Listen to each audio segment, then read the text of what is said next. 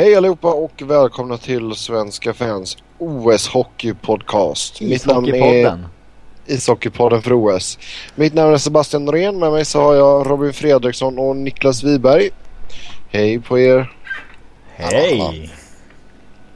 Detta är en uh, truppgenomgång som vi gör nu i första avsnittet här inför OS.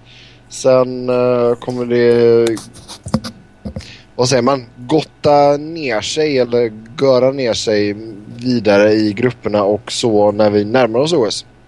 Men eh, nu blir det först och främst våra reaktioner på de olika OS-trupperna och vi börjar självklart med den svenska truppen. Och eh, Niklas, spontant att eh, hur kändes det när du fick se Per Mårds göra sin bejublade presskonferens? Eh, först kände man att det här måste vara dagens tråkigaste presskonferens. Men ack så fel. Ack så fel man kunde få när Kanada skulle eh, stå och prata skit i 25 minuter innan de presenterade sin trupp.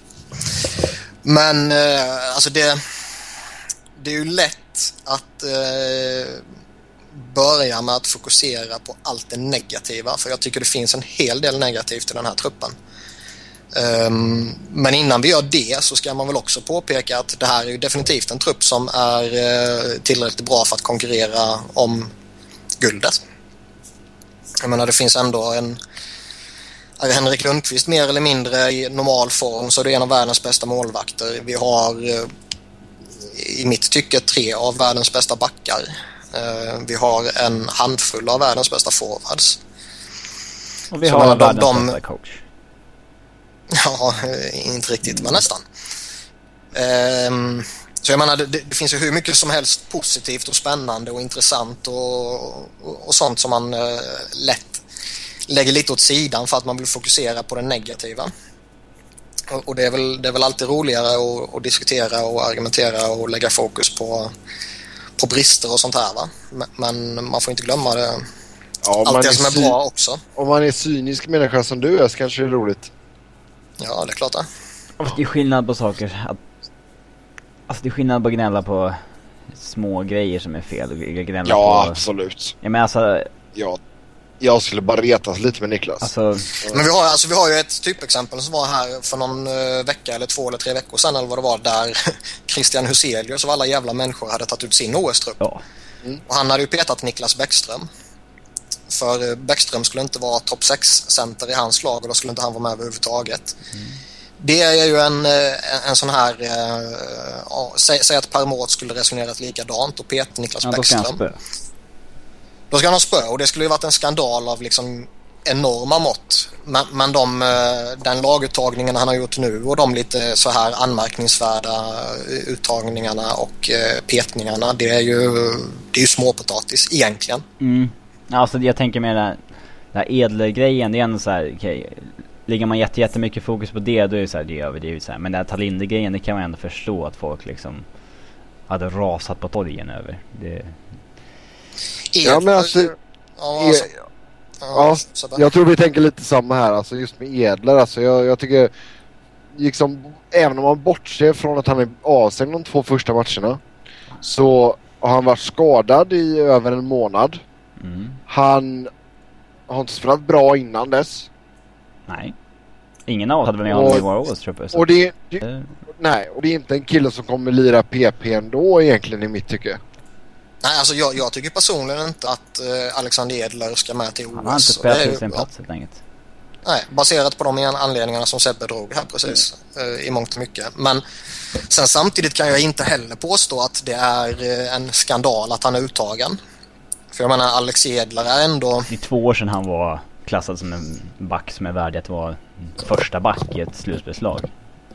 Det... Ja, och han är fortfarande ett namn och han har fortfarande respekt med sig. Um, så att han är med så länge man inte uh, spelar honom som första back uh, så ser inte jag några egentliga problem med att ta med honom. Uh, däremot så som du var inne på Seb och Robin också så är det ju klart att det inte är en, en tillräckligt bra back eh, och som inte är lika bra som han var tidigare. Det, att påstå något annat är lögn. Ja, och sen har du grejen med Talinder också. Alltså, Men det är ju det känner- galna. då känner väl Mårts att han hellre sätter en god gubbe, veteran på läktaren än, att, än en typ Jonas Brodin eller Viktor Hedman då som jag, ja, som jag tror vi alla vet är antagligen de två första reserverna ifall det skulle hända Men det någonting. är fortfarande idioti Fast- alltså. Det, det får liksom inte... Jag säger inte att jag håller med alltså, men det är, det- det är, alltså, det är ett under att Talinder är med. Alltså det, det, Ja, men alltså det, här, det här är ju det slutliga beviset på det som jag alltid har misstänkt och det är att Per Mårts tittar på ett helvete för lite NHL-matcher. För man kan inte på något sätt försvara i mina ögon eh, en sån här alltså det, uttagning. det finns liksom inget... Alla som ser hockey, alltså det finns... Alla som... Man kan argumentera för att Edle ska med till OS även om det inte är rätt så här, men det finns ingen hockeykunnig människa som liksom på något sätt kan lägga fram ett resonemang som är rimligt till att Talinder ska med till OS. Liksom, det går inte. Det är inte möjligt att göra det. Så att, Jag, jag kan ju på fullast allvar peka på 6, 7, 8 namn eh, svenska backar som jag skulle tagit ut i en OS-trupp innan jag skulle tagit ut Henrik alltså Talinder. som inte är med redan nu. Som inte är med redan nu, ja givetvis. Eh, och jag menar, även om man bortser från en sån som, som Enström som själv eh, verkar ha sagt nej så tycker jag ändå man får ihop alltså namn som Grossman, Lindholm, Gustafsson, Gunnarsson, Strålman. Jag skulle ta med Douglas Murray, Staffan Kronwall. Gunnarsson. Mm, han sa jag det. Kanske. Men alltså det, det är liksom 6-7-8 namn som man utan problem kan, kan lyfta som exempel Ja. som är bättre och med mer David effektiva. man kan faktiskt ta ut två svenska OS-trupper. Men inte ha Talinder med i någon. Alltså 16 backar skulle man kunna ta ut Ja. där Talinder inte är en av dem. Det skulle jag absolut, kunna Absolut. göra. Ehm, så det...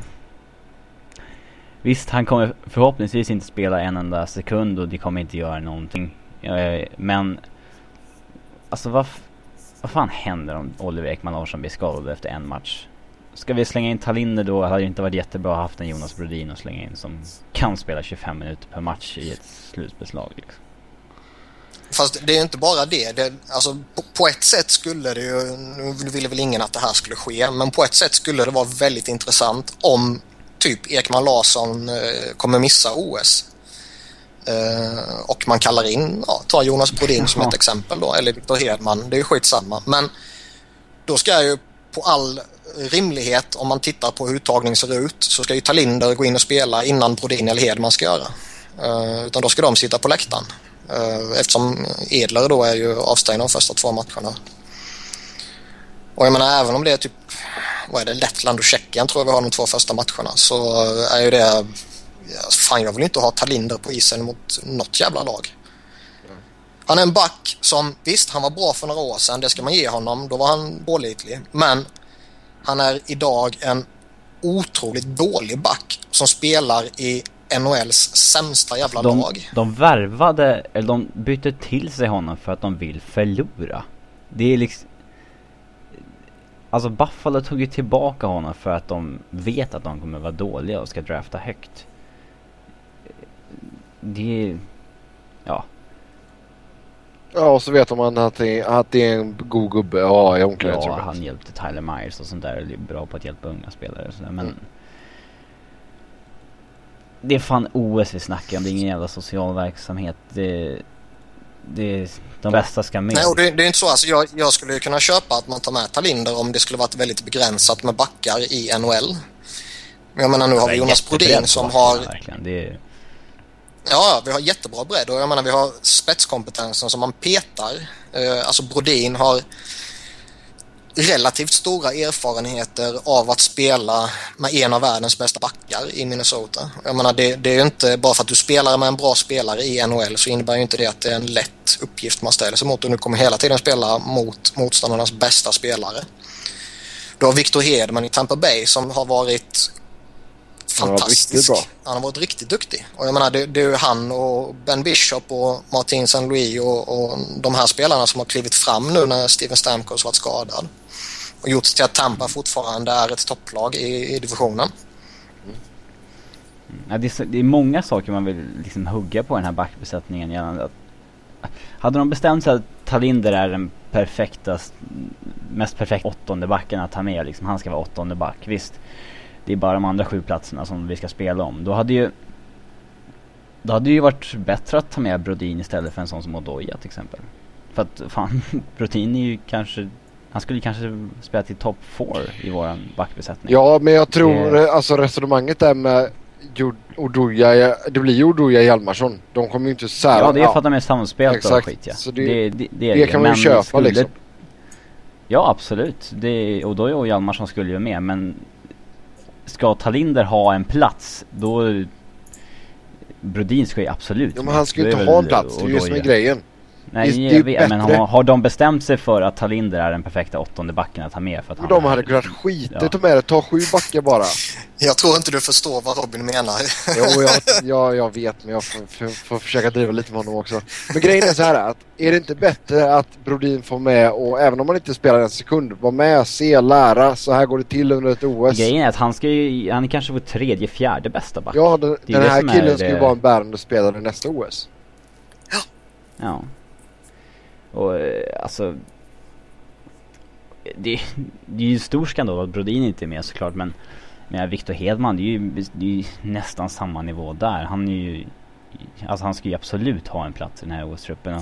Jo men alltså Eh. hade vi haft den här diskussionen ifall det hade varit så att Edler fick stanna hemma och det var Brodin och Hedman som var sjunde åttonde back.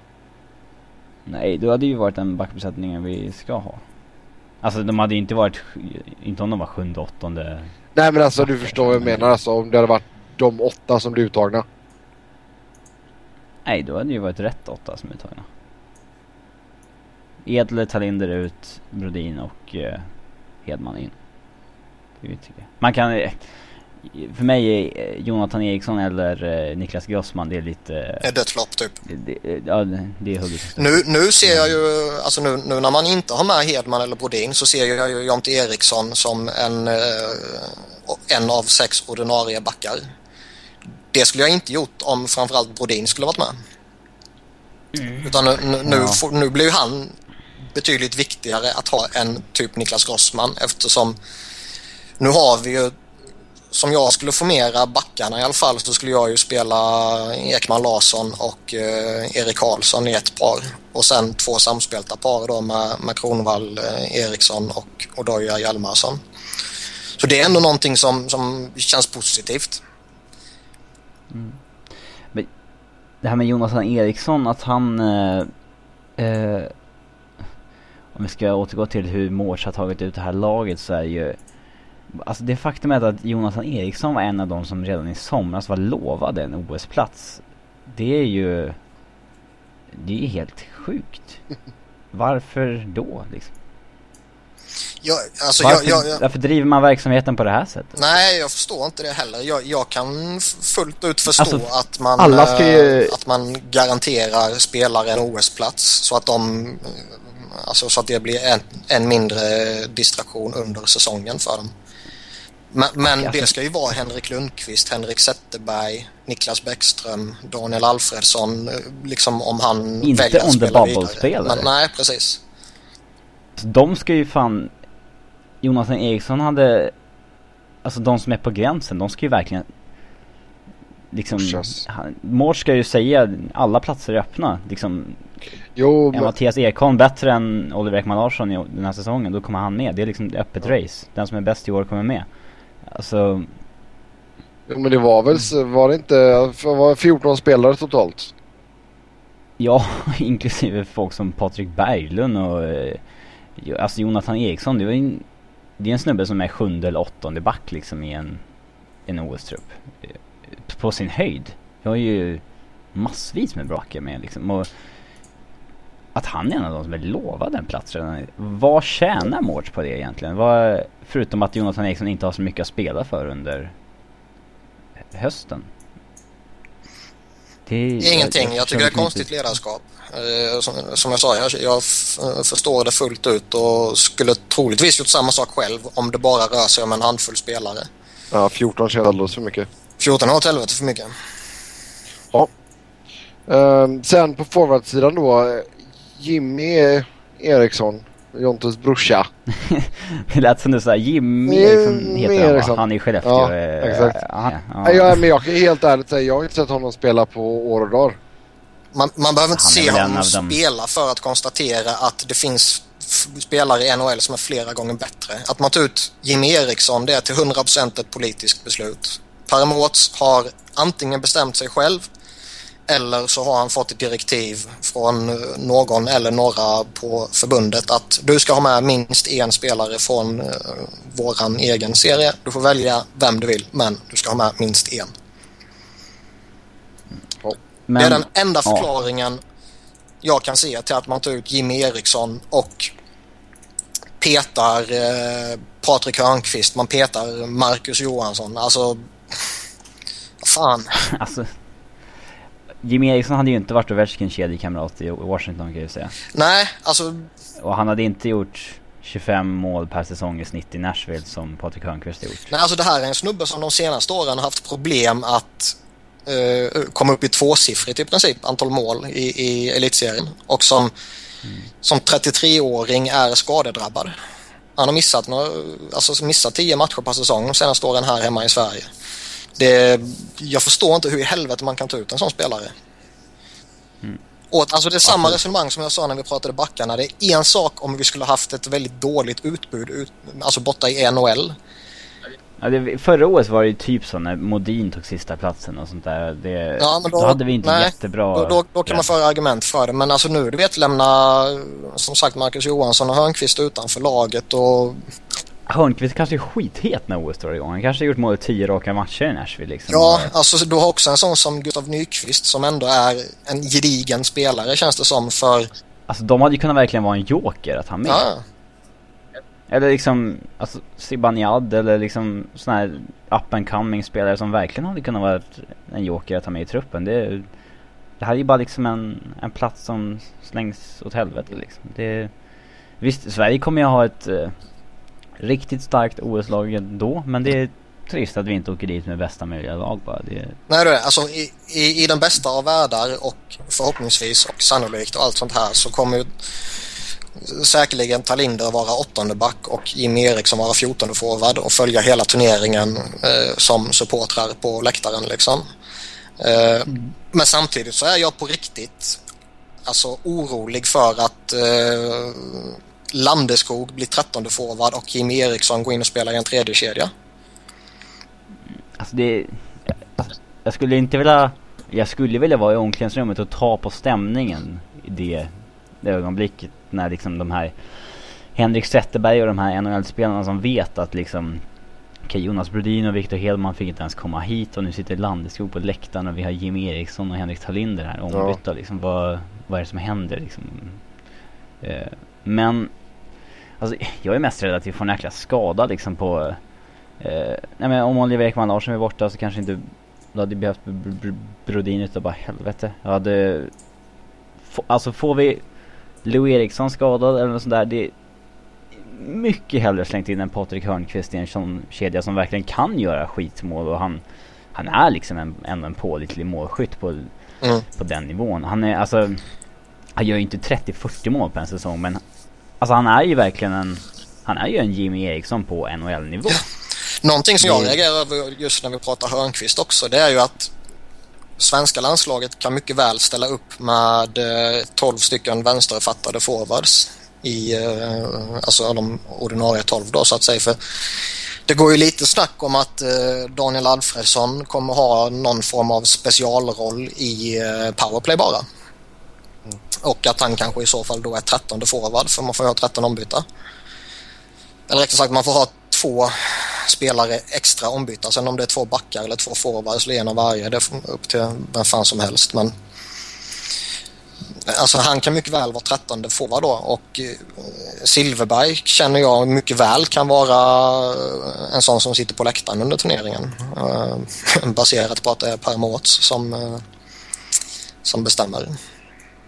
Jag menar, det, det är någonting som man kan inte gå in i en årsturnering utan att ha eh, rätt eh, många eh, högerfattade spelare i en forwardsbesättning. Mm. Det är i och för sig det är någonting som eh, vi pratade lite om det jag, igår, jag och Robin. Eh, det är någonting som kanske inte är lika det är inte en lika het diskussion i Sverige som det är i Nordamerika. Där ja. vänsterfattade kontra det högerfattade. Uh, mm. Men framförallt om de är left-wingers eller right-wingers. Mm. Liksom. Uh.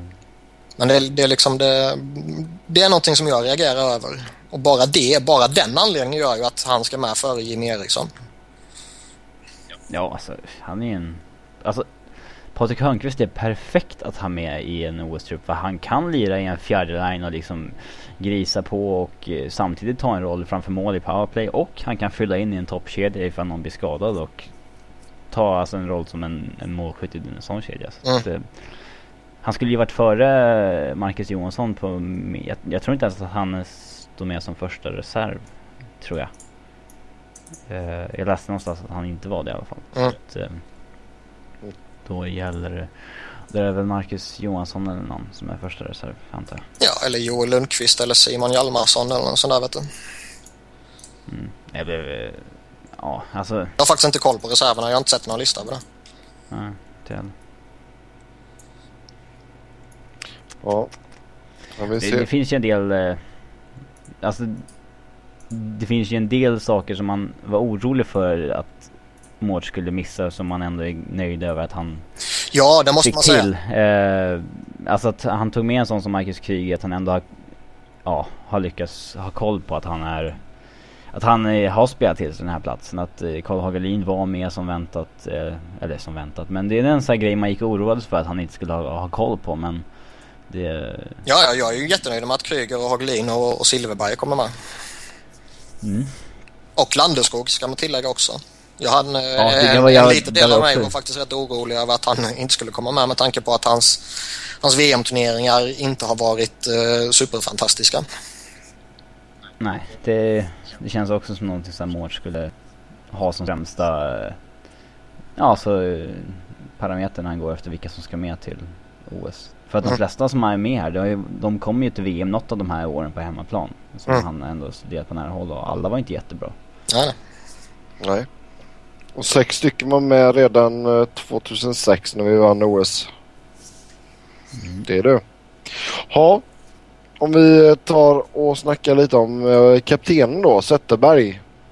Ska han lira center eller ska han lira winger? Center för mig. Han är världens bästa på den positionen. Han är vår överlägset bästa center så att inte spela honom som center är i mina ögon tjänstefel.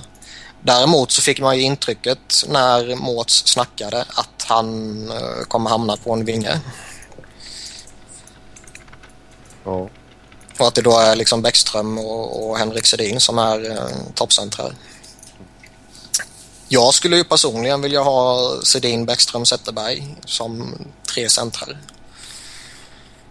Och sätta Zetterberg i en shutdown line med Landeskog och Sten för att Ja, dels har man en kedja som uh, man vet att de här kan plocka bort motståndarna. Uh, alltså motståndarnas bästa kedja och de kan också avgöra framåt. På det sättet maximerar man den impacten uh, för att prata lite svengelska som Henrik Zetterberg kommer ha i en OS-turnering. Mm. Yes, om vi ska ta... Ni får ta, slänga upp era egna kedjor här. Kan vi Kedjor. gå vidare? Kedjor. Lera lines. Ja. Eh, då skulle jag väl ha en första kedja med... Jag, jag tror inte riktigt på det här att, att, att ha Alfredsson i en, bara en powerplay-roll. Jag tror inte att man kommer in i... Alltså det finns ju risk att han spelar två, tre minuter match då liksom. Det, Nej, det är idioti. Han ska spela ordinarie topp 6. Eller topp 9 ja, rättare sagt, beroende hur man ser hur det formeras. Jag skulle ha en första kedja med Johan Fransén, Bäckström, Alfredsson. Sen skulle jag, ja du kan skita om det är första, andra eller tredje kedjan. Det är, det är topp 9 helt enkelt. Det är först, den första kedjan är Fransén, Bäckström, Alfredsson. Den andra kedjan är Sedinarna med Louis Eriksson och den tredje är um, ja, Landeskog, Zetterberg och Sten.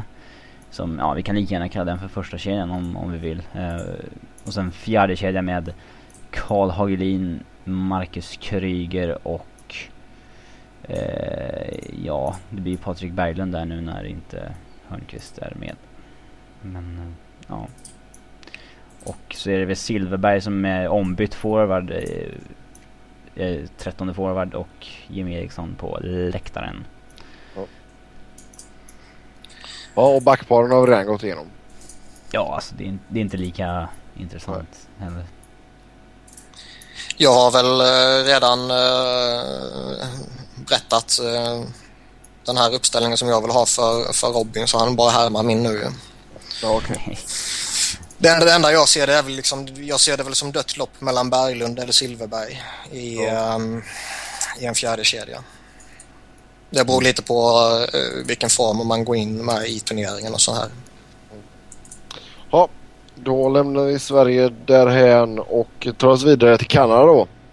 Som eh, Niklas hintar lite att den presskonferensen var nog en av de mest utdragna och långtråkiga presentationerna någonsin. Alltså den här snubben som stod och pratade i 20-25 minuter. Han måste ha varit Kanadas mest hatade människa i det ögonblicket. Han var definitivt Twitters mest hatade människa i det ögonblicket. Han stod och pratade och pratade och pratade. Han säger fan om inte en enda vettig mening.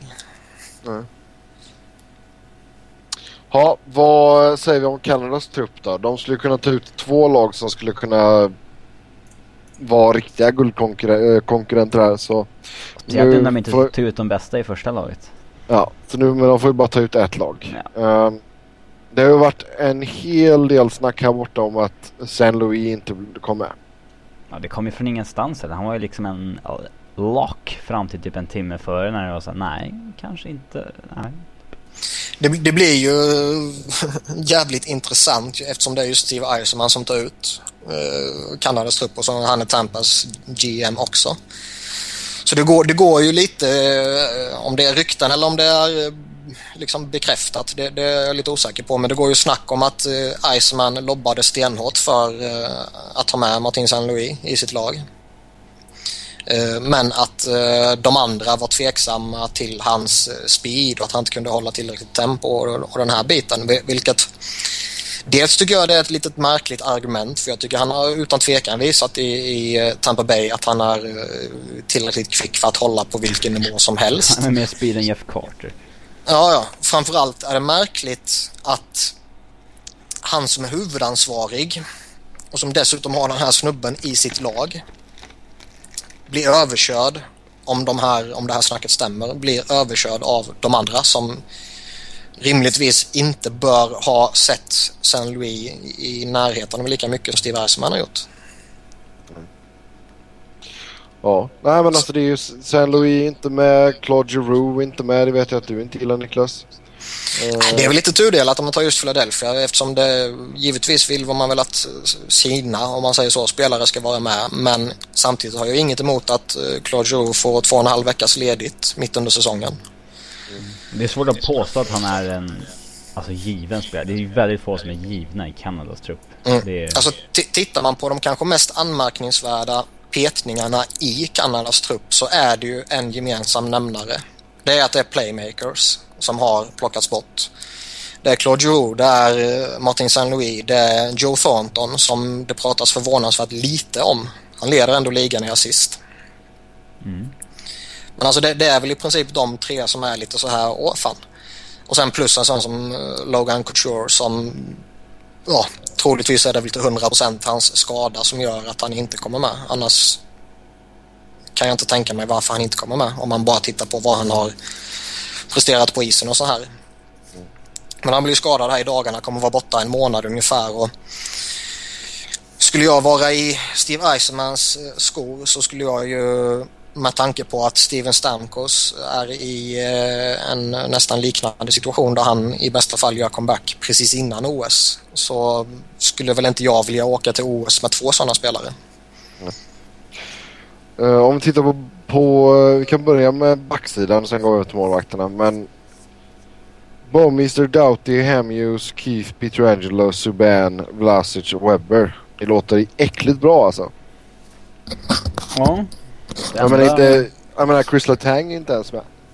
Nej, alltså han såg... Nej, han var inte riktigt... Fast Letang har väl, han har ju i och för sig varit dålig denna säsongen. Han, men det inte, känns, han har inte varit så nära. Alltså, nej, han, det känns aldrig som ska han har varit med i liksom, diskussionen. Utan alla, alla har bara hela tiden förutsatt att nej, men han kommer inte komma med. Likt vi svenskar gjort med Edler till exempel. Det är lite Ja, samma typ, typ, typ. situation.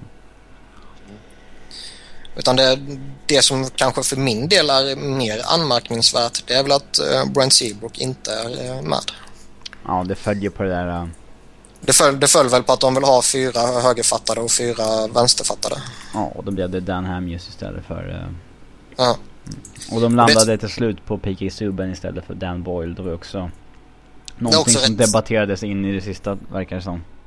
ja, men sen samtidigt är det alltså regerande Norris Trophy-snubben kan man väl ändå inte peta känns det som.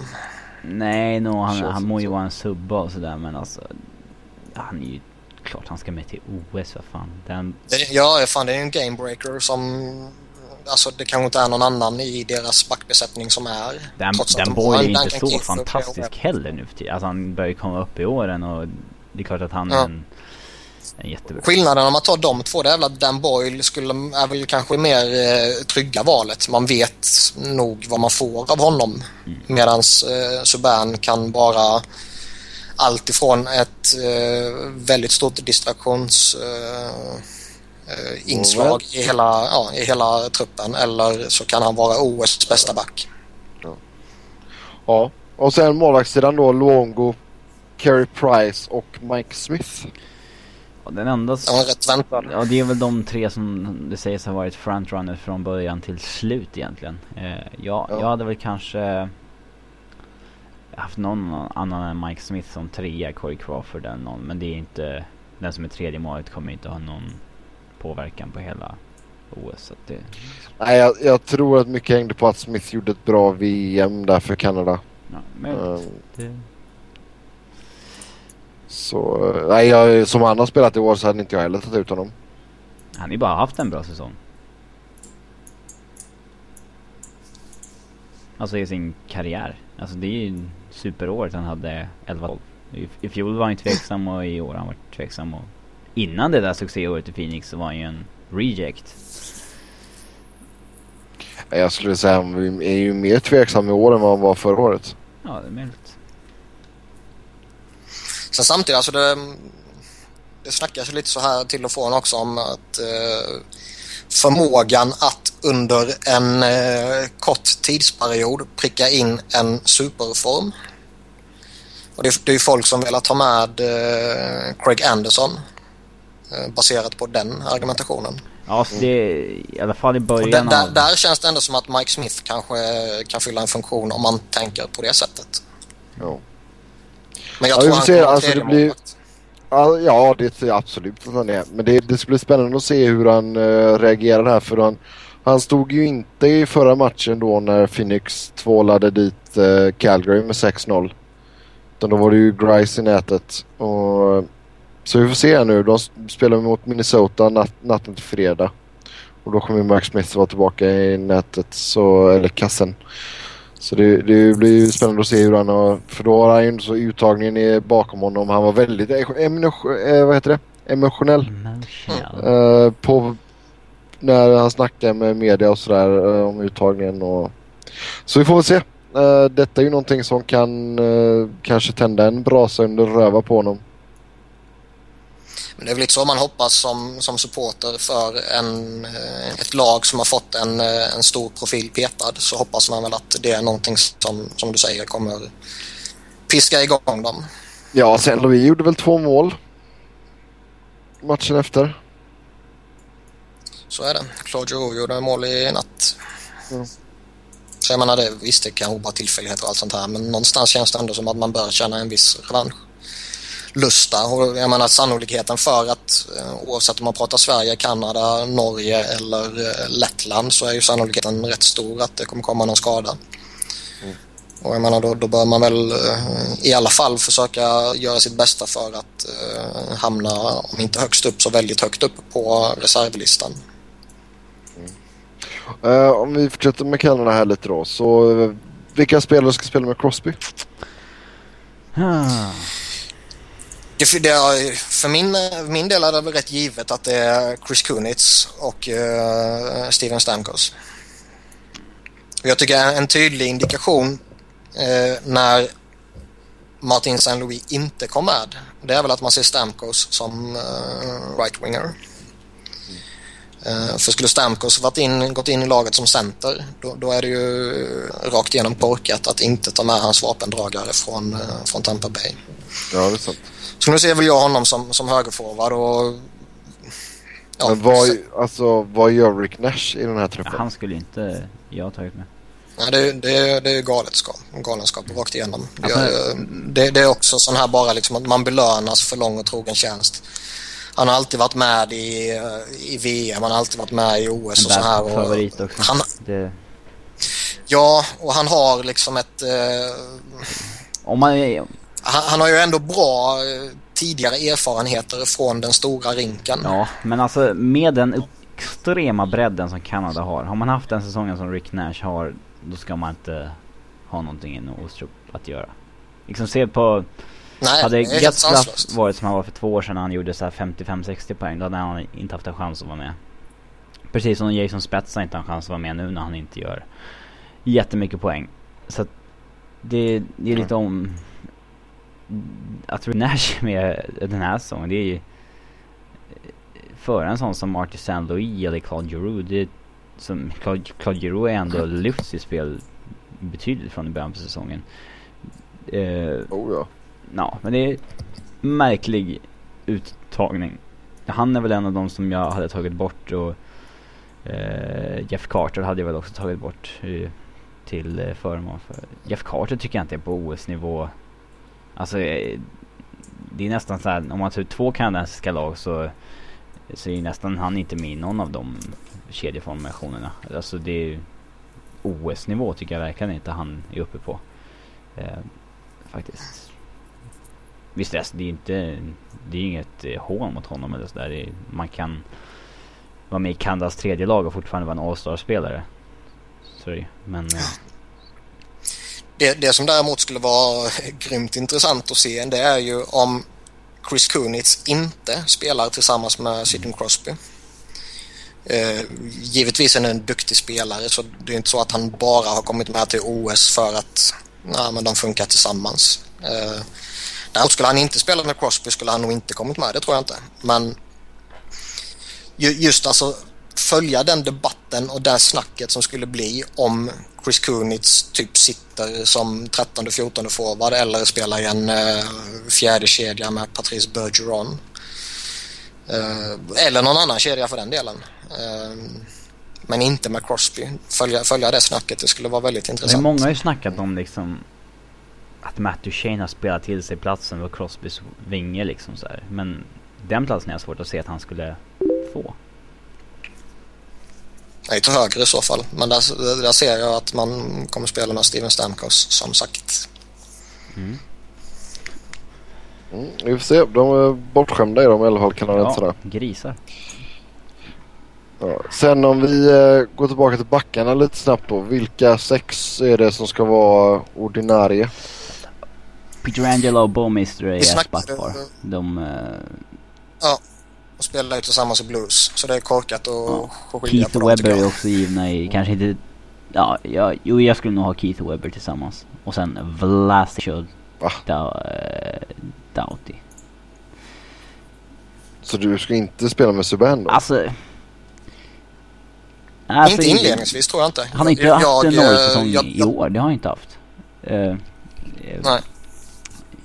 Men The Subban Man kan nog spela till sig en plats om han han har ju det i sig, definitivt. Men eh, just nu så är väl Subban 7 och Hamius 8. Ja, jag håller med. Ja, ja, ja. Och sen eh, snabbt då, vem ska vara målvakt i detta laget? Eller första målvakt då? Jag säger Carey Price. Mm, ja, jag säger också Carey Price. Eh, det gör jag faktiskt. Det var som ja. fasen. Alla är överens. Ja, ja. Då går vi vidare till ryssarna. Ryssarna. Hemmanationen. Fast vi måste säga att det var kul att eh, Matt Duchene kom Där har... Ja, det var jätteroligt. Jag gillar honom som fasen. hit. Exakt. Han, kan, han är välkommen tillbaka när Ja. som. Ehm, Ryssland då med uh, Ovechkin i spetsen. Här har vi lite schyssta och, eh, petningar att snacka om. Ja. Det är take it away boys säger jag bara. Mother Russia. Det... Det mest anmärkningsvärda är väl eh, att man inte har med Alex Semin. Och eh, det, det går ju lite skämt att han är för enigmatisk till och med för det ryska laget och då är det fan illa. Fan, han platsar i det här laget. jag tycker definitivt han platsar. Eh, sen samtidigt så har han inte varit bra denna säsongen. Han har gjort sex mål. Eh, Skulle Lill Tikhonov vara bättre? Så, nej, det säger jag inte. Sen samtidigt, alltså, vi, vi, vi pratade lite när vi pratade Jimmy Eriksson och Sverige, så just det här liksom politik och att du ska ha med spelare från våran inhemska liga. Och det finns ju det garanterat. Det där. finns ju garanterat i, i eh, Sovjet, höll jag på att säga, men i Ryssland. nej, nej, det var inte snällt. Men, men alltså, det, det finns ju definitivt i det ryska eh, laget och i det ryska förbundet. Det, det, det tror jag är rätt så givet. Ja, men det är nio stycken. Det är ganska många ändå. Ja då, men jag menar, det, det är ändå rätt många duktiga spelare också som eh, definitivt är NHL-klass om man säger så. Alltså Ilja Nikulin är jag ju grymt förtjust i. Eh, och att han inte har spelat i Ja, NHL, det- är ju synd. För han är Tio jävligt ska jag påpeka. Att det var tio, inte nio. Eh, till och med det. Men vi vet sen förra NHL-podcasten att det var problem med matten, så det är lugnt. Exakt. Och sen alltså du har en sån som eh, Radulov också som även om han är lite crazy så är han givetvis jätteduktig hockeyspelare. Så jag menar det, det är inte så att det bara är som i det svenska fallet massa skräp som har kommit med från den inhemska ligan. Nej, Kovacic är okej också. Ja, är, ja alltså, givetvis. är, är Kovalchuk i form eller? Form, ja. Han spyr väl in poäng i KL men det ska han ju. men- Han kan ju gå på halvfart och göra det. Även om man är lite lönnfet. Alltså han har en poäng per match i KL. Ja. Det är väl under förväntan men ändå. Det är väl okej. Jag Ja, vet är- inte men det- vilka han spelar med heller i Sankt Petersburg. Nej jag vet inte. Det Cervenka kanske men- eller Tikhonov eller Patrik Koresen eller Tony Mårtensson kanske, jag vet inte. Tony. Det har jag faktiskt ingen aning om. Men, men han kommer ju givetvis vara en av de bärande spelarna. Jag menar, den, den sp- spetskompetensen de har i sin forwardsbesättning, den är ju kanske till och med bättre än Kanadas. Alltså om man snackar Datsjuk, Malkin, Kowalczyk Ovechkin. Så det är fyra spelare som om, om man tittar på eh, Kanadas motsvarighet så eh, Crosby, eh, Toews. Ja, sen kan man inte Taves. Ja, sen kan man inte hitta... Du måste sluta säga Toews. Toews. Du, du är inte uttalspolisen här. Nej, nu är du tyst Sebbe. Nej men alltså det, det är de två. Sen kan man inte på samma sätt peka ut liksom en eller två eller tre sådana här superstjärnor till. Utan sen är det alla väldigt... Och då menar jag att Stamkos skulle givetvis fattar om förutsättningarna skulle varit att han är frisk så att säga. Nu är han ändå ett osäkert kort. Men alltså man, man kan inte hitta på samma sätt de här superstjärnorna i Kanada och Det finns ju fyra verkligen råstjärnor i Ryssland i Ovechkin, Malkin, Kovacic, Datsuk som... Alltså man vet inte vem av de fyra som kommer vara bäst. I Kanada vet vi att Crosby kommer vara Bäst. superstjärnan. I Mm. Ryssland, det finns fyra som har verkligen potential att ta det här laget på sina axlar och bära det till ett guld. Alltså på egen hand nästan. Det, det är ju unikt. Eh, Det är det ju verkligen. Men alltså hur, hur tror ni? Alltså kommer inte pressen vara enorm? det är den ju alltid på det ryska laget. De är extra mycket. Extra enorm. Jo, det är väl klart alltså hemmaplan och eh, allt det här och de, de, de vill ju verkligen känns det som spänna KHL-musklerna också. Och, och jag menar skulle KHL-spelarna vara riktigt dåliga, alltså Nikulin, han, han eh, backen då, han, han funkar inte alls. Kowalczyk har tappat allting sedan han lämnade NHL och Radulov är eh, så crazy som bara Radulov kan vara och eh, liksom allt det här. Då, då tror jag de kommer eh, skämmas. Sen tror jag inte omvärlden kommer bry sig så mycket om det, men, men de själva. Mm. Ja. Det, det är synd att Kuznetsov inte är med. Det är, han är ändå en häftig spelare. Han har ju någon form av skada nu men jag vet, jag vet inte hur allvarlig den är. Om det är den som gör att han inte är med eller om det är av andra skäl. Det känns ju som en... Det känns som att Ryssland annars hade velat promota den här stjärnan som har stannat i KHL. Mm. Så sett, det, det är jävligt skoj att de tar med både Terechenko och eh, Nitushkin. Alltså två unga ryssar i NHL som valde den andra vägen så att säga. Och som Ja, definitivt ja, förtjänar att vara med. Men som, alltså fan, Rys Ryssland vet man ju nästan aldrig var man har dem. Eh, Så det känns som att båda två mycket väl skulle fått sitta hemma. Mm. Nice, nice. Sen har de en unders underskattad backbesättning tycker jag.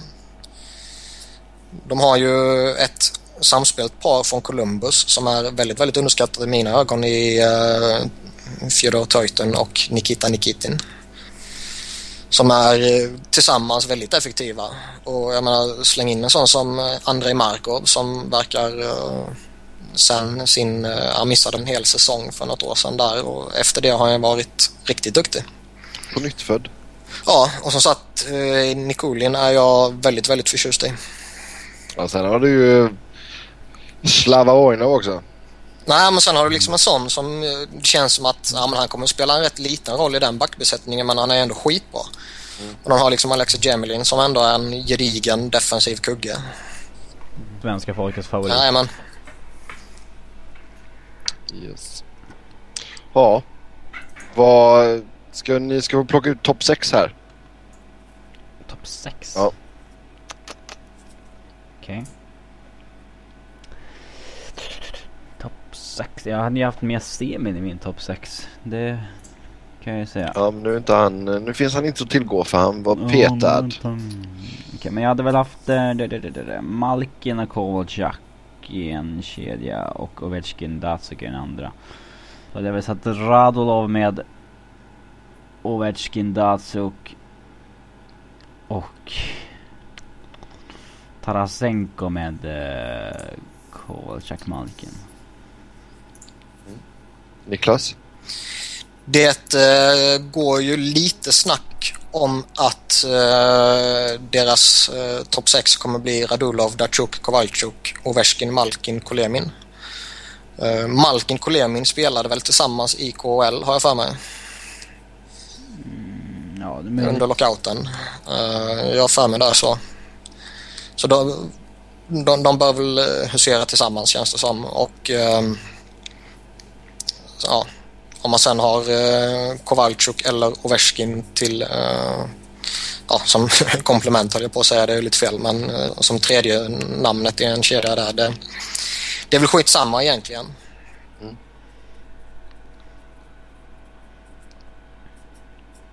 Ja, det ser onekligen starkt ut.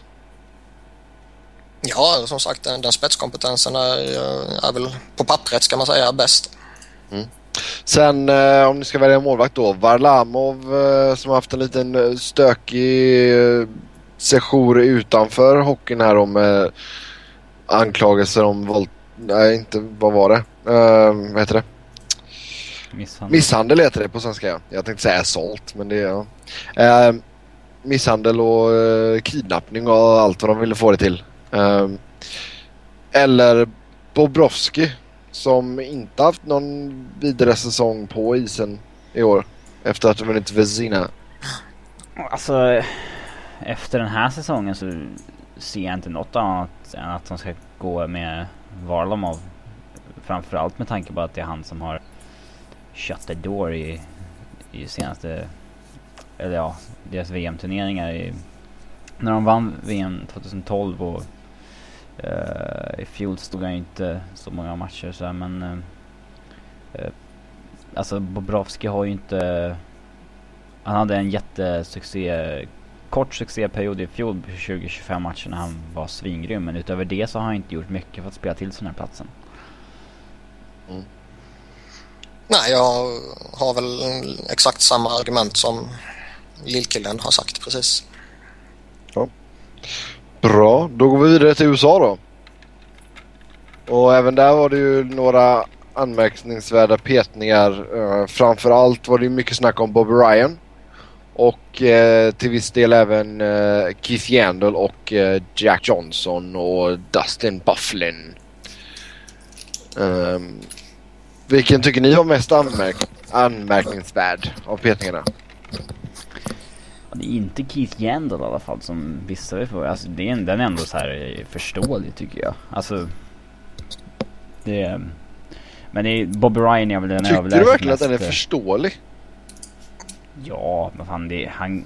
Grejen är, jag, jag kan köpa argumenten som finns mot Keith Yandel. Uh, alltså är det Cam Fowler eller Yandel så är det ju... Bro, det, är ju alltså... deras, det är ju deras bästa offensiva back.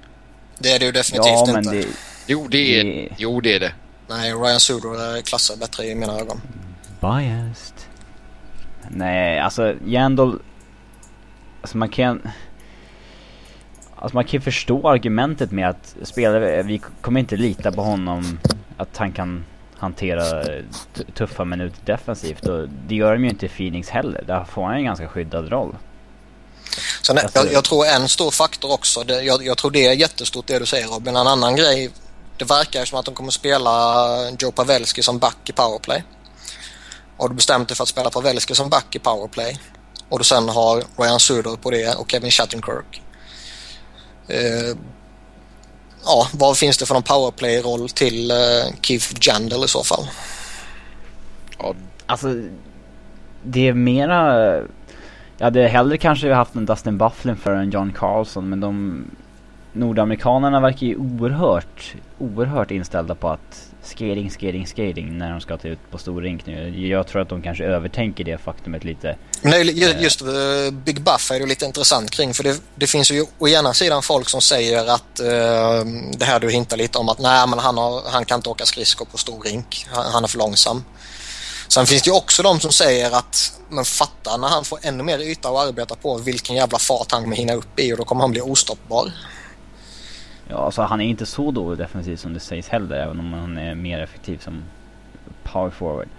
Eh, för en John Carlson skulle jag nog haft han. Eh, sen eh, eh i en shutdown-roll i ett tredjebackpar eller någonting liknande hade jag väl hellre haft en, en Eric Johnson för en Brooks Orpik som är på kraftig nedgång, tycker jag.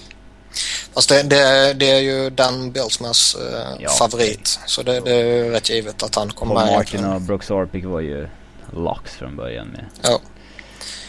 Däremot är det lite förvånande att Jack Johnson inte kom med. Captain America. Nej, men han har liksom varit med i varenda jävla VM som har spelats och varit kapten och alltid ställt upp på hela det där. Och...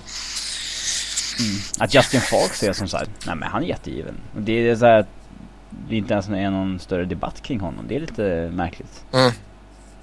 Fast han, han, är, han är rätt duktig. Han är väldigt underskattad i mina ögon. Men, men ja, att, han är men duktig. men, men att ju... han skulle vara självskriven i en backbesättning till ett OS, det är han definitivt inte. Och någonstans kan jag tycka ändå att har man en sån som Jack Johnson som Visst, han har inte varit superbra i år, men han har inte heller varit dålig. Tycker inte jag. Eh, men har man då den historien han har eh, i landslaget så tycker jag liksom är man då on the bubble så bör man kanske faktiskt belönas med en plats. Med tanke på att skillnaden mellan Jack Johnson och John Carlson och Justin Falk eh, och Brooks Orpik ja, också eh, är relativt liten. Just det, jag såg den Phoenix-matchen efter att eh, det hade annonserats att eh, Keith Yandad inte kom med till OS. Det var ju så här, jag vet, komiskt när ja, hemmakommentatorerna satt och promotade Keith Yandel för allt han gjorde hela tiden. Där, typ... Eh, kan ni förstå att den här killen inte kommer till OS liksom? Mm. Det så här. Jo men det kan jag sen, förstå att de, det kan jag förstå att de gör för det var väldigt, alltså väldigt många här som trodde att Keith var alltså en, en shoe-in som man brukar säga. Mm. Ja men det var ju komiskt då för att de satt och liksom hypade allt han gjorde som att han var liksom Jesus Kristus liksom. Och sen så, sen så dribblar han i egen zon och tappar pucken så att eh, motståndarna gör game winning goalet. Ja. Alltså det, det, är ju klart, det, det, är rätt givet att han är tillräckligt bra för att kunna spela i ett OS. Uh, eh, men, men, om vi går tillbaka till den grundläggande frågan, vad som är mest anmärkningsvärt, Keith Yandel eller Bobby Ryan, så är svaret rätt givet för min del. Jag kan Ja, köpa, alltså jag att kan, Bobby jag kan, Ryan inte är med tycker jag det, det verkar ju vara enbart på grund av Brian Burke dessutom. Det, det där är nog lite överdrivet. Jo, det, Nej, de jag- sa ju att Brian Burke- jag- Jo, jag tror det är lite, har blivit De lite sa ju att Brian lite- Burke hade ju med Bobby Ryan i sin slutgiltiga forwardsuppsättning. Nej. Jo, han hade ju med Bobby Det är Ryan som- det är vad som sägs i alla fall. Men han är Ja. ju, han drar ju till med väldigt stora ord och sånt där när han, alltså han är ju frispråkig liksom. Sen Jo, kan ja. det vara en eh, efterkonstruktion också. Mm. Eh, Det, det, det ska man veta. Men det, det, alltså det, är en, det är en snubbe som numera garanterar 30 mål på, på en eh, 82 matchers säsong. Mm. Eh, Alltså, han, att nobba den, eh, det- den produktionen som man vet att han har, det, det, det är lite anmärkningsvärt. man lägger en jävla vikt på Phil Kessel då. Det, det kan man ju lugnt säga. Ja, det, Ja, definitivt. det Sen är det ju- alltså, det, det är ju ett, eh, ett an, an, vad heter det? Det är ett problem man gärna eh, skulle ha.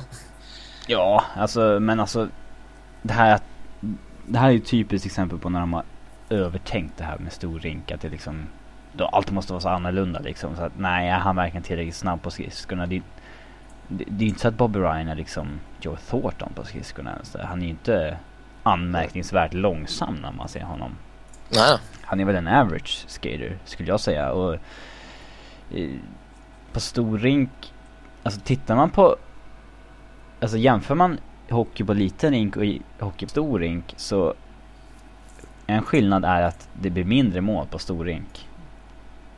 Att då inte ha med en av sina bästa målskyttar. Det är, jag kan nästan mer hellre argumentera för att det är viktigare att ha med honom på stor rink i och med att de matcherna är målsnålare än vad som sker i NHL. Att Mm. då ha med en kille som garanterat gör mål, det är guld värt. Ja. Nej, och sen, men de har ju sagt det här att åh, vi tar inte ut de, kanske inte nödvändigtvis de bästa spelarna utan det bästa laget. Mm. Ja, men så det, men det är det där är så här. fine liksom. Jo men det är... Men det, det är också en intressant bara- diskussion. Jo, Alltså, men alltså- ska, man, ska man bygga det Det är så fint att säga så liksom. Så här. det är Ja, det är det, väldigt men- fint. Det är en intressant jämförelse. Alltså ska, ska man satsa stenhårt på att försöka bygga ihop det bästa laget, mest samspelta, bla bla bla. Eller ska man satsa på att under den här korta perioden försöka vinna på individuellt bäst-kompetens? Jag skulle ta med de 25 bästa. Kan man, alltså man vet ju inte heller. Fan, Phil Kessel kanske inte alls är... Man kan inte bara räkna med, okej han kommer göra alla målen. Sen kommer vi behöva de här som spelar penalty killing. Och vissa kanske inte alls funkar i de rollerna när det väl är dags sen. Någon kanske är iskall. I, det, jag kommer ihåg i förra året när Ginla var väl tänkt som en fjärde, fjärde line forward. eh, Och sen så var det någon som inte var het alls i första kedjan. Första matchen när Ginla gick upp så gjorde han hattrick. Det, Ja och sen var ju alltså om man Var det, inte på... tvärt, på var det tvärtom? Att Ginla gick in och spelade med Crosby och inte alls fungerade? Mm, jag vet, alltså Ginla Och sen, gick ju han, var, han var ju ett misslyckande i senaste OS. Men när man tittar på statistiken så ser man att fan, han gjorde ju fem mål ju. Men det var ju... Han gjorde ett hattrick någon match. Ja, när ja, någon, eh, det var någon som Mot inte... Tyskland typ eller något sånt där. Ja, men det var någon som flyttades ner från första kedjan. Eh, Men vad var det? Jag för mig det var han. Ja, men det var han som... för mig, jag har för mig han började med Crosby, sen funkade det inte riktigt och sen ju, alltså, luras man lite just av det här Men det var ju- hattricket hans. Han avslutade ju med Crosby. Det var han som spelade fram Crosby till avgörande Ja, men han vandrade ju upp och ner har jag för mig. Och sen gick det ju en sån som Mike Richards har jag för mig gick upp och spelade med uh, Sidney Crosby. Ja, det... Får han inte få göra igen. Nej, han är ju inte med så det är klart han inte kommer... Nej, men, ja. Ja. men det, men det... Poängen är att det, det är alltid bra att ha, eh, alltså de här... eh, Man kan aldrig få för många potentiella matchvinnare. Nej, alltså de här som, eh, jag menar har Jonathan Taves i en Alltså, det här, de här super superstjärnorna, de har ju blivit spelare som spelar penalty killing och sådana där i sina klubblag nu i alla fall. Se på Jonathan Taves och Patrick Spurgeon, de är förmodligen de bästa defensiva spelarna i sina respektive lag också. Så det här med att du, du ska ta ut vissa spelare som bara ska spela defensivt, vissa som bara ska spela offensivt, det är lite så här, Man övertänker lite för mycket då. Ta ut de 25 bästa och Jo, jo, men jag tänkte säga det. Alltså tittar man på form så vad gör Dustin Brown i ett amerikanskt OS-lag? Ja, och det är väl det där att de vill ha lite grit och lite, ja det också. Ja men det måste ju finnas någon vettigare. Alltså jag ni vet ju, jag gillar Kings men alltså Dustin Brown har ju varit värdelös. Han fick sitt kontrakt. Ja. De får börja dra upp transferryktena igen, på, vet du, eller trade-ryktena. Jäklar, då, då blir det fart på pojken. Ehm, om vi kollar på målvakterna då. Uh, vi har Jonathan Quick och Ryan Miller och sen känns det som att Jimmy Howard med som tredje målvakt. Uh, skulle ni starta Miller eller skulle ni starta Quick? Alltså jag är... Framförallt så hade jag haft Svårt, med... svårt att säga. Man Jag hade haft med Ben Bishop i truppen i alla fall. Det hade jag... Ja, det är klart. Eh, Alltså det, det, om, om vi börjar med Bishop-diskussionen så det, han har ju bättre siffror än alla de tre som är med. Ja, Quick har varit skadad, Howard har varit dålig och Ryan Miller har varit Spelar dålig i många år men liksom han har, ja, visst han har varit bra i år. Det har han varit. Eh, Mm. Men eh, det var ju länge sedan han var bra, Miller. Alltså bra på riktigt. Det, Sen, sen menar väl inte jag att Ben Bishop ska vara en första målvakt. Nej, men han- men, men han bör ju definitivt gå in i ett OS-lag för eh, Jimmy Howe. han har ju varit ligans bästa målvakt i år. Det, Ja. Då ska han ju, ja. det, det, det, är, det är väldigt anmärkningsvärt. Men jag, jag, jag tror väl inte att eh, det blir någon annan än Quick eller Miller som är första keeper. Och Känns som det blir Miller va? Jag tror Ja, det beror väl på Om lite om Quick eh, hittar superformen nu efter sin skada direkt. Och Exakt. är liksom, eh, i den formen som han har varit ja, typ när de vann kuppen liksom. Då, då är han världens bästa målvakt och det är klart han ska spela i, alltså vara startmålvakt i OS då. Men sannolikt kommer han väl inte vara så bra efter att ha varit borta så här länge. Ja, vi får se. Alltså, det är sagt, nu hinner han ju få en del matcher innan OS börjar. Eh, vilket vi inte vet hur det blir med Stamkos. Vad, vad, vad är sagt där liksom? Hinner han få fem, sex matcher eller? Nej, inte så jag tror jag inte. Utan jag, Nej. det som snackades, nu vet jag inte om det har sagts någonting här nu i, idag eller i förrgår eller något sånt där liksom. Men det var ju att han i, i princip skulle göra comeback i början på februari. Och sen börjar ju OS den eh, åttonde. Ja, då hinner han få in typ, typ fyra matcher eller någonting då. Ja, kanske. Ja. Ja, visst. Det känns väldigt osäkert men samtidigt så är ju Stamkos en sju helvetes spelare. Ja, Eh, något mer vi vill tillägga om USA eller är det dags att röra sig vidare? Alltså man kan ju... Vi kan ju alla konstatera att det är Blake Reader som ska ut och Bob Ryan som ska in i den slutgiltiga Mm. force-uppsättningen. en eh, intressant... Blake Reader är väl Eh. inte bättre skridskoåkare än Bob Ryan? Nej, det är bara jävla märkligt eh, den hela grejen. Men en intressant faktor i USAs lag som även om USA har tagit väldigt många kliv framåt de senaste åren som hockeynation så känns det ändå som att deras centerbesättning är en bra bit efter eh, Kanadas, Rysslands och Sveriges.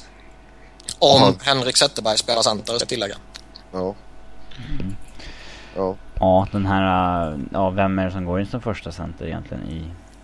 Pavelski. Ja, Ja, men spelar han center eller spelar han winger? Alltså det, det känns också lite så här. Och eh, David Backes, är, är han, Ja. även om han är... det är ingen första En- center. Nej, jag tänkte säga det. Även om han är en grym center som egentligen inte är dålig på någonting så känns han inte som den här första centern som går ut och leder ett lag. I, i, Inte den ett, i ett, som är playmaking bredvid Kessel. nej. Eh, och liksom Ryan Kessler, eh, det är ju inte den Det är närmsta de han ändå var. typ. Det, det blir väl det. Mm. Paul Stastny är ju den spelartypen men som är bra för en första center men han är inte tillräckligt bra för att vara en första center. Nej, samma Eh. som Derek Stefan. Ja, som dessutom har en svag säsong. Ja. Ja.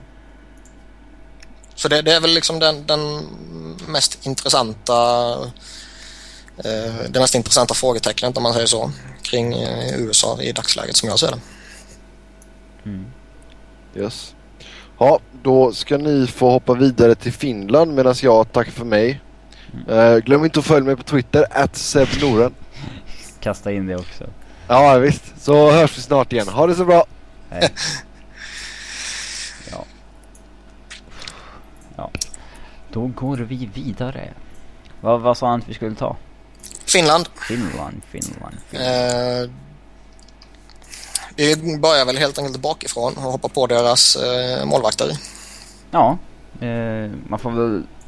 Ja, Lehtonen, Niemi Rask. Man har väl kommit fram till att... Eh, ja alltså Pekarinne vart ju aldrig frisk så att han kunde spela till sig en av platserna och när vi snackade om det här för några månader sedan med Kristoffer Bodin så då då snackade vi om Kari Lehtinen som nummer fyra, men det känns ju som att han är nästan den som kan utmana Rask om...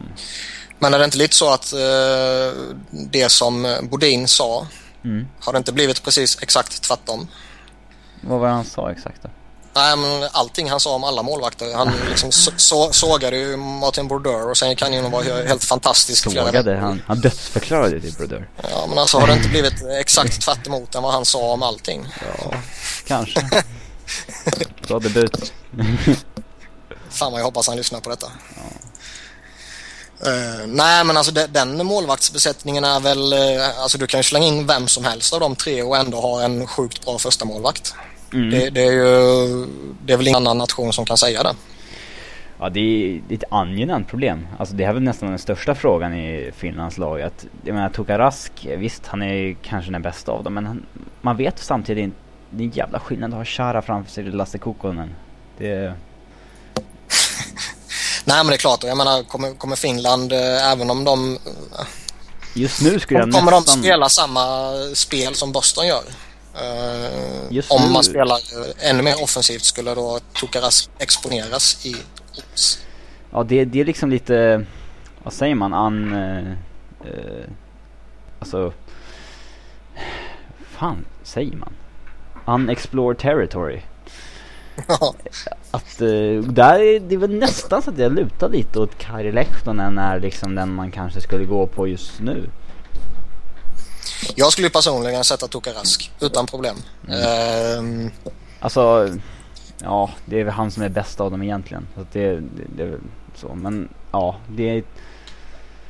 Gör man en dålig inledningsmatch eller någonting då ligger man illa till när man är finsk första målvakt. Fast de har ju de, de har en rätt bekväm inledning. De börjar mot Österrike. Ja, om Vanek gör ett hattrick på Rask där. Ja, men tror du han kommer göra det? Ja. Nej, men även om man, om, man, om man kollar på lagen, om man inte tittar på eh, individuella spelare i de lagen så börjar de med Österrike och sen har de Norge. Och sen smäller den mot Kanada sista gruppspelsmatchen. Um, du har väl inte ett bättre läge som målvakt att spela in dig i en turnering om du börjar med Österrike-Norge känns det som. Alltså, Nej, visst, du kanske inte kommer överösas av skott och allt det här men troligtvis kommer du få en seger. Kanske en nolla. Mm. Känna på eh, försvarsspelarna liksom, lite och... Ja, ja. Så det, det, är nog rätt gynnsam inledning för finska målvakterna. Mm. Men som du säger, alltså funkar det inte mot Österrike, vågar man då spela honom vidare i turneringen. Ja. Vad säger du om försvaret? Ja, alltså det är ju... Man är alltid vant sig med när man växte upp att Finland och...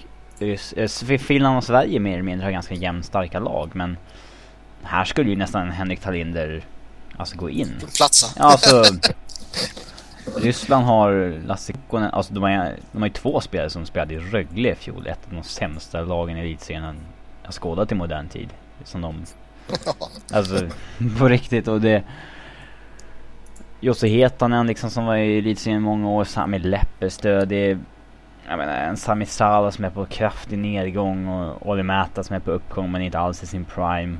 Eh, Ossi Väänänen tycker jag är en stabil back för ett tredje backpar kanske. Och Sami Vatanen är väl okej. Okay. Kimmo Timonen är ju past prime. Eh, det är Alltså det är en mycket sämre backbesättning än vad de är vana att ställa upp med. Så är det verkligen. Alltså titta, eh, gå tillbaka några år när de hade Sami Salo som ändå fortfarande kunde ja, var, eh, konkurrera och. Kimmo Timonen var riktigt bra och Johnny Pitkanen saknade de ju jättemycket i den där backbesättningen. Mm. Ja men det är bara ka kapa fyra år på Sa Salo och Timonen så är det ju jätteskillnad. Eh. Oh ja, oh ja. Så det, det känns väl, även om de har grymt intressanta framtidsnamn i Olli och Sami Vatanen så känns det väl ändå som backbesättningen är ett jätte, jättestort frågetecken. Ja, frågan är om man kan gå jättelångt med den. Eh, det krävs ju då att alltså det, det skulle ju vara om någon av målvakterna spikar igen och är i utomjordlig form liksom. Mm. För sen har de ändå även om deras offensiv inte är någonting som man liksom eh, skräms av på, på samma sätt som man gör av de andra stora nationerna så är det ju ändå de har lite potentiella matchvinnare där. Och de har några som kan kliva fram. Fan, när man kollar på den, till och med trots att man visste att de inte hade så jäkla bra lag så slås man ändå av shit, är det här liksom Finlands bästa spelare år 2014? Liksom. Man, man hade liksom inte nog tänkt på att de hade liksom dalat som hockeynation på det sättet de har gjort. Uh. Nej men de, alltså deras bästa spelare är ju liksom Kimmo Timonen som är, uh, var han typ 38 eller 39, jag är lite osäker, något sånt där. Sällen är ju... Han ska ju... Timo Sellen som är liksom 52 år. Ja, han ska ju, han ska ju gå in bredvid Mikko Koivu med det laget de, ja. de har och sen... Alltså... Tomo Ruto och alltså topp 6 består ju liksom av Filppola, bröderna Jokinen och... Ja, Mikko Koivu, Sellene och... Ja, Barkov blir det väl, men... Eh, det känns ju också som ett tydligt svaghetstecken för truppen när Saku Koivu är ett väldigt tungt avhopp. Ja, verkligen. Och Johan Matti Altonen är ju inte någon som man vill ha liksom en tredje, fjärde line heller. Där vill man ha lite mer robust spelare. Det... Skulle de ha med Sean Bergenheim enligt dig? Ja, definitivt. Definitivt.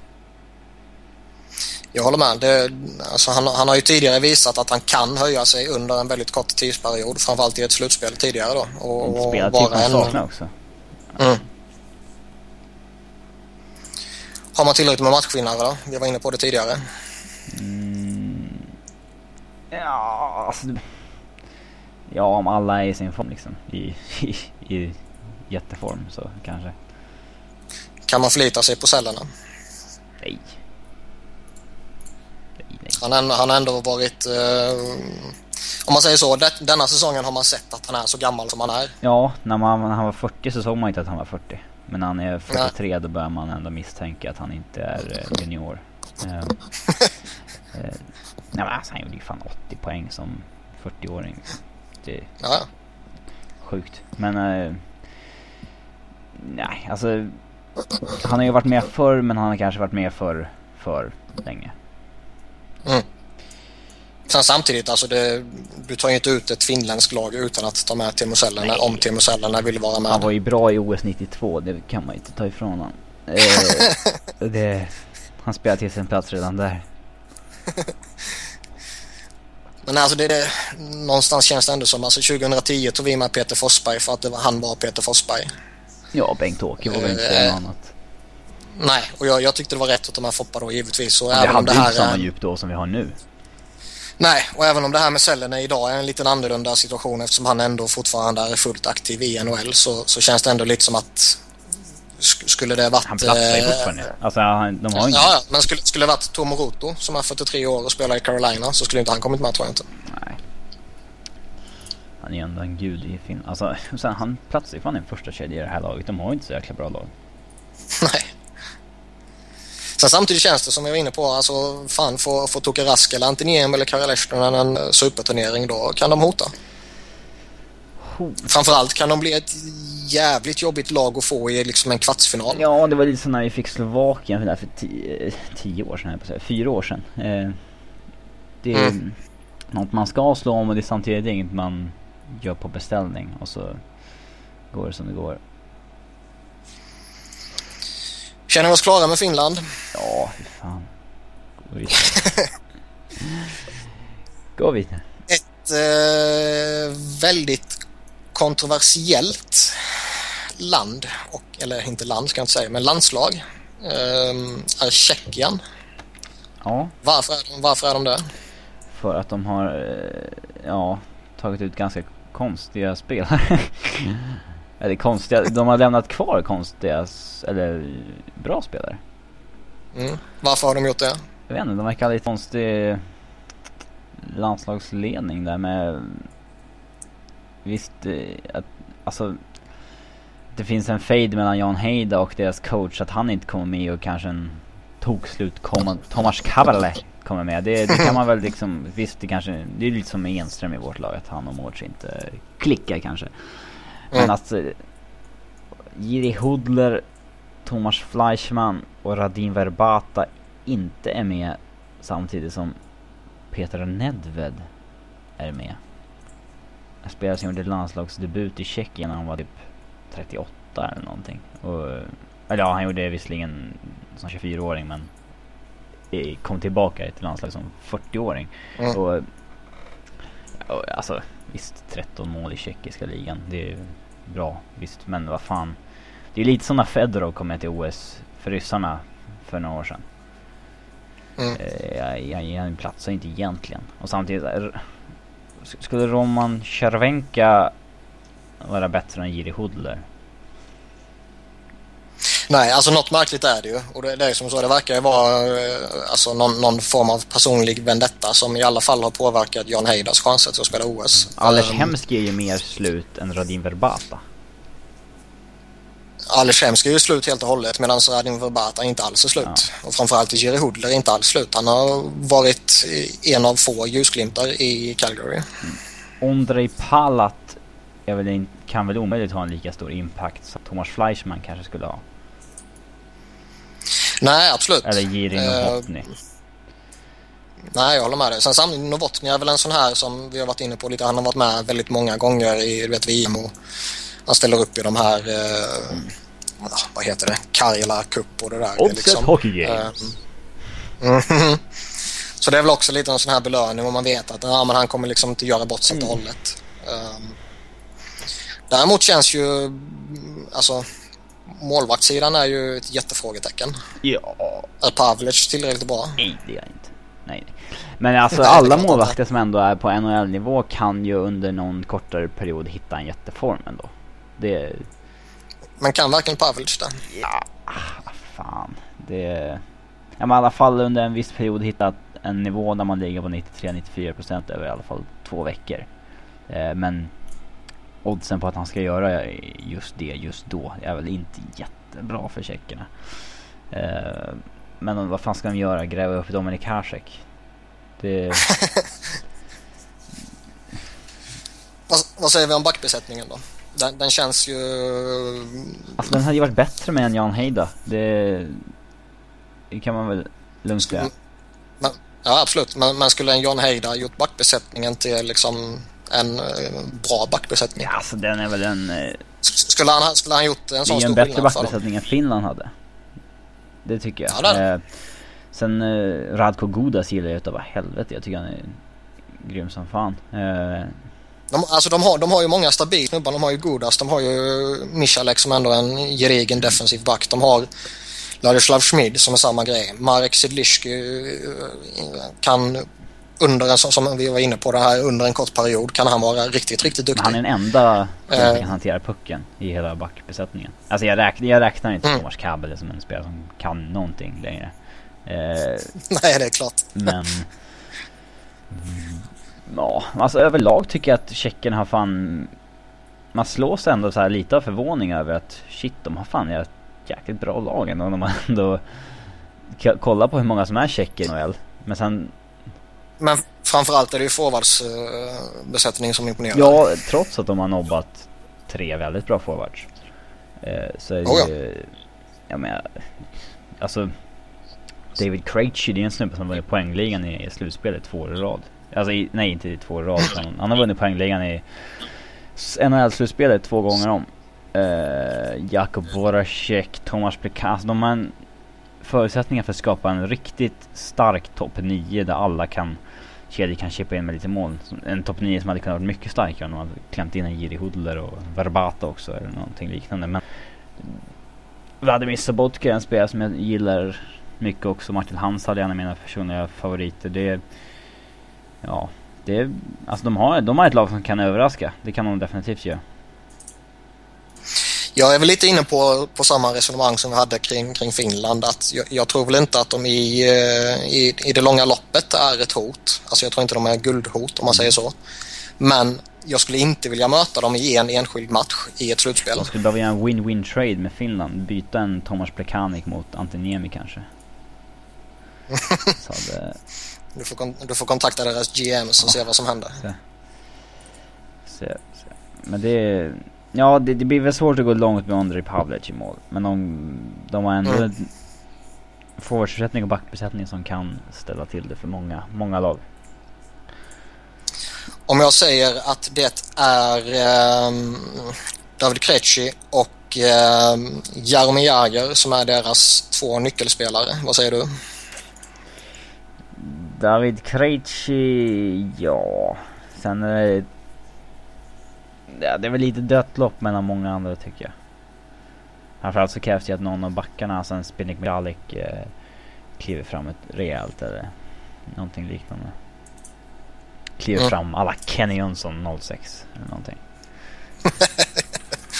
ja. eller hur? Vad, ska vi hoppa till ja, deras grannar? Ja, mycket sämre då. Mm. Slovakien. Man har alltid tänkt Slovakien och uh, Tjeckien som så här ganska likvärdiga hockeynationer men Tjeckerna nu... Och ja, samma alltså, nation en gång så det är inte så konstigt. har ju Tjeckerna ett enormt mycket bättre lag än Slovakerna. Det, det kommer man inte ifrån. Så är det definitivt. Ehm, samtidigt så känns det liksom som att spetskompetensen i Slovakien är väl bättre ja, än i Tjeckien. Ja, de har bättre målvakt. En, en de har en bättre målvakt, de har en av världens bästa backar. De har eh, liksom den offensiva spetskompetensen är ju jättespännande med, med Garborik som om han är frisk och, och i hygglig form kommer säkert kunna ställa till med en del djävulskap och Marian Hossa vet vi är, är väldigt duktig och, och givetvis är ju Mikael Hanshus eh, OS bästa center. Ja. Thomas Tatari på uppgång i, i eh, Detroit också. Men i övrigt ser jag med Thomas Tatar och Thomas Jurko är ju två lovande prospects i Detroit men när bägge tar en OS-plats då är det liksom oj. Um, hur ser den där forwardsuppsättningen ut egentligen? Uh, det är liksom Peter Ölvecki som fan ledaren här målet Växjö. och Thomas Turvi som har floppat i fan Skellefteå och Linköping och uh, ja. Man kan komma långt med en Sedon Chara i, i backbesättningen dock. Ja men det är det. Har du Halak och han spelar så bra som han kan göra. Eh, du har Chara som kan dominera i en defensiv zon och sen har du Garborik och du har Marian Hossa. Alltså det, det, kan ställa till stora problem för i, i princip vilket lag som helst och vi såg ju att, att de, eh, de är inte helt värdelösa heller om man tittar på lite VM som har spelats om man går tillbaka till 2010 och sån här. Så jag menar, det, det, de har ändå en, en hygglig tradition också. Ja, de slog ut eh, Sverige 2010 också. Jo, tyvärr minns jag ju det. Ja.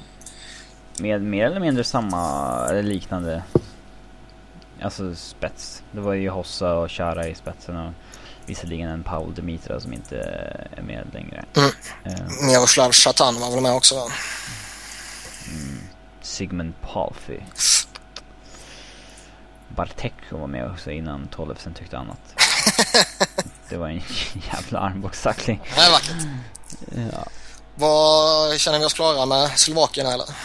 Mm, de har fan inte så många bra spelare att promota. Det... Andrei Sekara hatar ju du, men han har ju verkligen fått ett lyft sen han lämnade Buffalo, måste man säga. Ja, men vem fan får inte det när man lämnar Buffalo? Ja. Ja, se på Linde tycker jag. Jajamän. Vad, om vi går vidare till de lite eh, mindre nationerna och kör en liten snabb genomgång där. Lettland. Oh, Sandis Åselinch. Det är jättehäftigt att han är med. Hur coolt som helst ju. Ja. Han snubben var fan till början på 90-talet gjorde han liksom så 70 poäng i NHL. ja. Annars känns det väl inte som att, visst de har någon sån här eh, Kaspar Staugavins, straffspecialisten tidigare i NHL och Shemgus Girgensson så...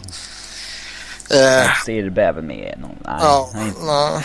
Oskar Bartulis som var med och liksom eh, eh, i Philadelphia för några år sedan känns inte som något speciellt heller. Så jag menar... Mm. Jirgensen som, eh, den är ju lovande i uh, Buffalo fall. Ja, han kommer uh, säkert bli jättebra så småningom. Men liksom, vad fan. Sen har vi Kobayash som är, uh, ja, Erik Karlssons fiende från VM 2012. Minns du honom? Nej. Det var han som hoppade på Erik Karlsson och skulle slåss utav ja. ja, nej det har jag glömt bort. Ja. ja jag, kommer ihåg, jag kommer ihåg situationen men alltså inte att det var han. Ja. Kobayashi. Ja. Spännande. Var Norge?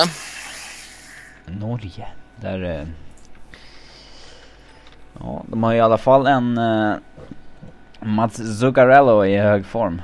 Eh, jag kommer ihåg förra OS, då var ju han så lite, skulle promota sig för NHL-klubbarna lite. Mm. Eh, men alltså, Norge har ju fan ett, alltså de har ju ett lag som, alltså Förra året ställde de ändå, de var lite så här. eh, Ja vad säger man, nagel i ögat på vissa lag. De ställde ändå till lite, andra lagen fick ta i lite mer än de ville för att slå Norge.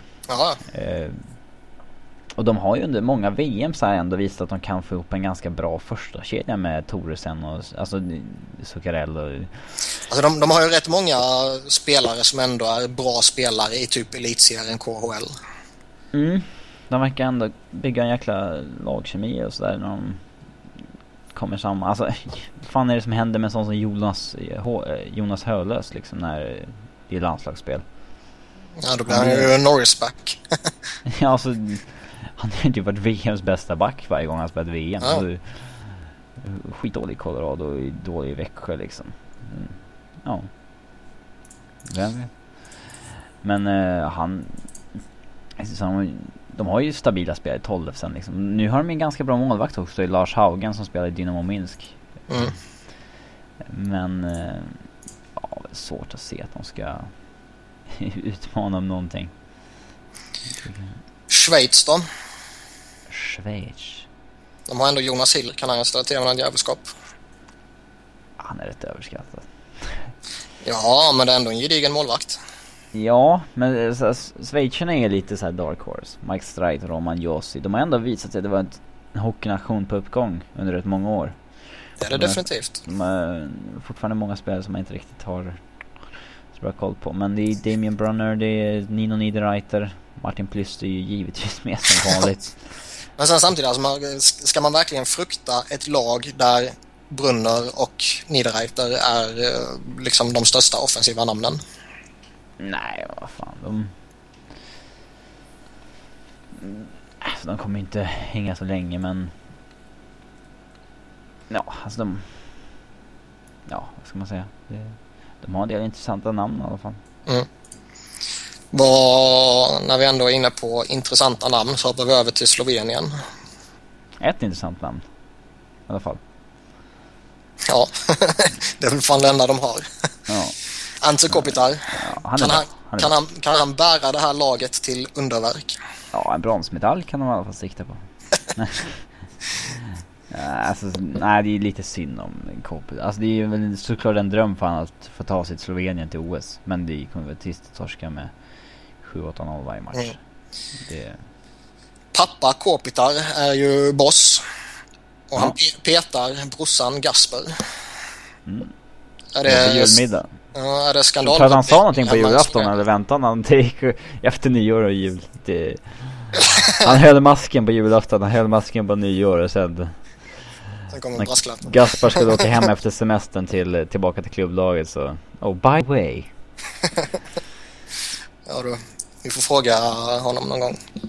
mm, Petter Frisk kan säkert göra det. Han har lite connections med Kåta-familjen Ja. Eh, sista nationen, Österrike. Mm. Bernhard. Starkbaum.